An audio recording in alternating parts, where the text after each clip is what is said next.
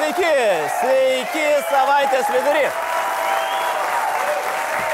Mano vardas Andrius ir su jumis pirmą kartą ketvirtajame sezone iš Londono sveikinasi laikykitės ten rubrika savaitės topas. Jeigu dar neprenumeruojate mūsų YouTube, siūlau tai padaryti, o jeigu patinka Instagramas ir Facebookas, rasite mus ir ten, ir ten, arba per Elito televiziją, realiai bet kuriuo paros metu.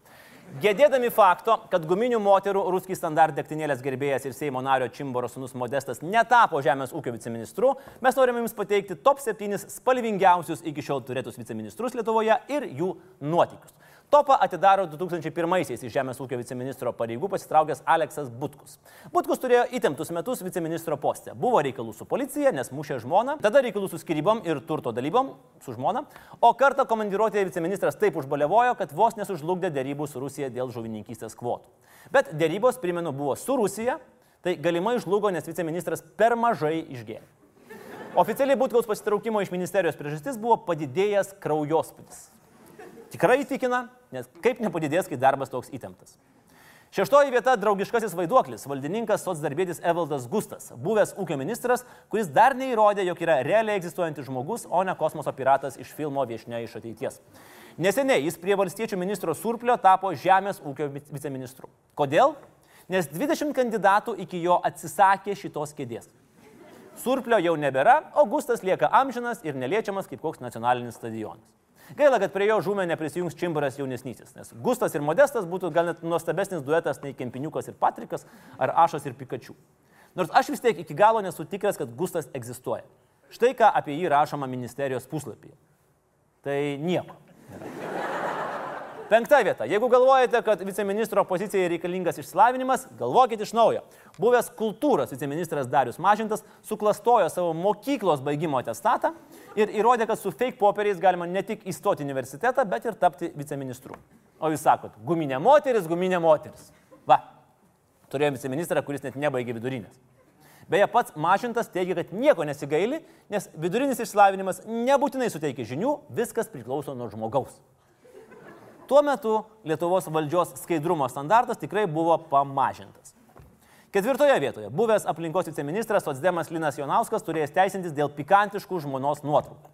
Nematau čia nieko blogo, gi nenuoga, sakė viceministras. Prasideda rinkimai ir nėra prie ko prisikabinti. Mano galva, čia visiškai lygiai vieta, nebent žmogui nepatinka gražios moteris.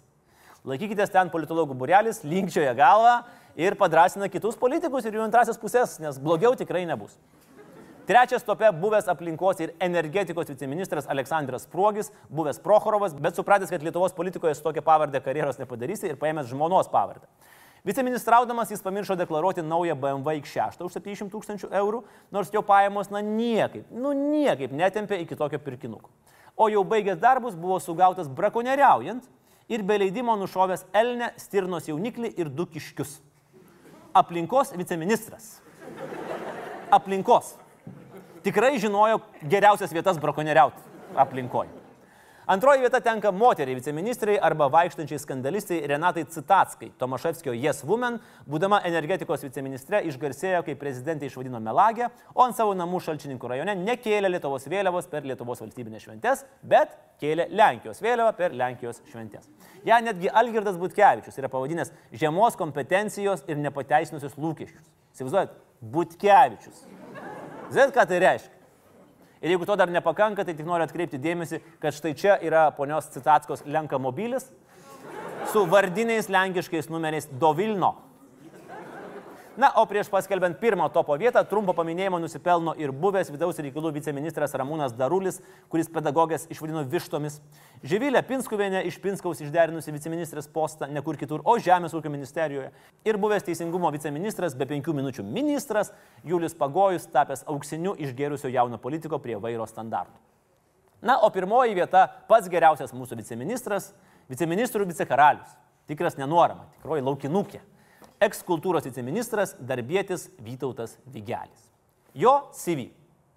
Lėktuve neblaivus priekabiavo prie stewardesės ir buvo išlaipintas Varšuvoje, supainiojo interesus keliaudamas už bendrovės lėšas, supainiojo interesus net nenusišalino balsuodamas dėl sprendimų susijusių su, su žmonos pareigomis, dar kartą supainiojo interesus asmeniniais tikslais naudodamas tarnybinį automobilį, buvo tyrimas STT, jam buvo pareikšti įtarimai dėl suklastotų dokumentų, įsidarbino dukrą kultūros ministro padėjėjas Seime, nes iki buvo įtartas buvęs neblaivus darbo vietoje ir galiausiai per muštinės opozicijos atstovais sulaužė durų staktą ir suplėšė tarybos narių švarką.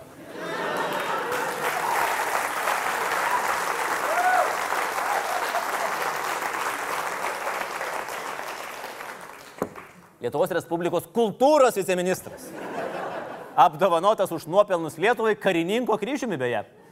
Vėliau Vigelis greičiausiai nebepartytas ministrės Pabedinskinės pagalbos tapo pabradės socialinės globos namų vadovų ir sėkmingai pasitelkė darbuotojus paplušėti pas savo sugyventinę. Tai paprašė žmogus ir padeda, nu ką čia tokio, giminaičių, kad čia blogai padėti. Darbo metu. Aš sakau, aš ne darbo metu, aš šiandien turiu išeiginę. O kodėl naudojamas tada tarnybinis transportas? Tai Netarnybinis. ne tarnybinis transportas, nu nuosavas transportas. Jūsų Taip. globos namų Aš tai mašina. sakau, atvažiavom su privačia mašina, jokia tarnybinė mašina mes nenaudoja. O tai tarnybinė kas atviravo? O ką žinau, kad ten atvažiavo? Kaip sakoma, leopardas ir vigelis dėmių nekeičia. O mums belieka uždegti žvakelę dėl šiek tiek geresnių viceministrų ateityje. Nu, kad ir mėgstančių guminės moteris. Nu, ką jau ten, smulkmenus. Tiek šiandien, iki pasimatymo savaitgalį ir nepamirškite žiūrėti kitų Laisvės TV ir Laisvės TV X laidų. Geros likusios savaitės.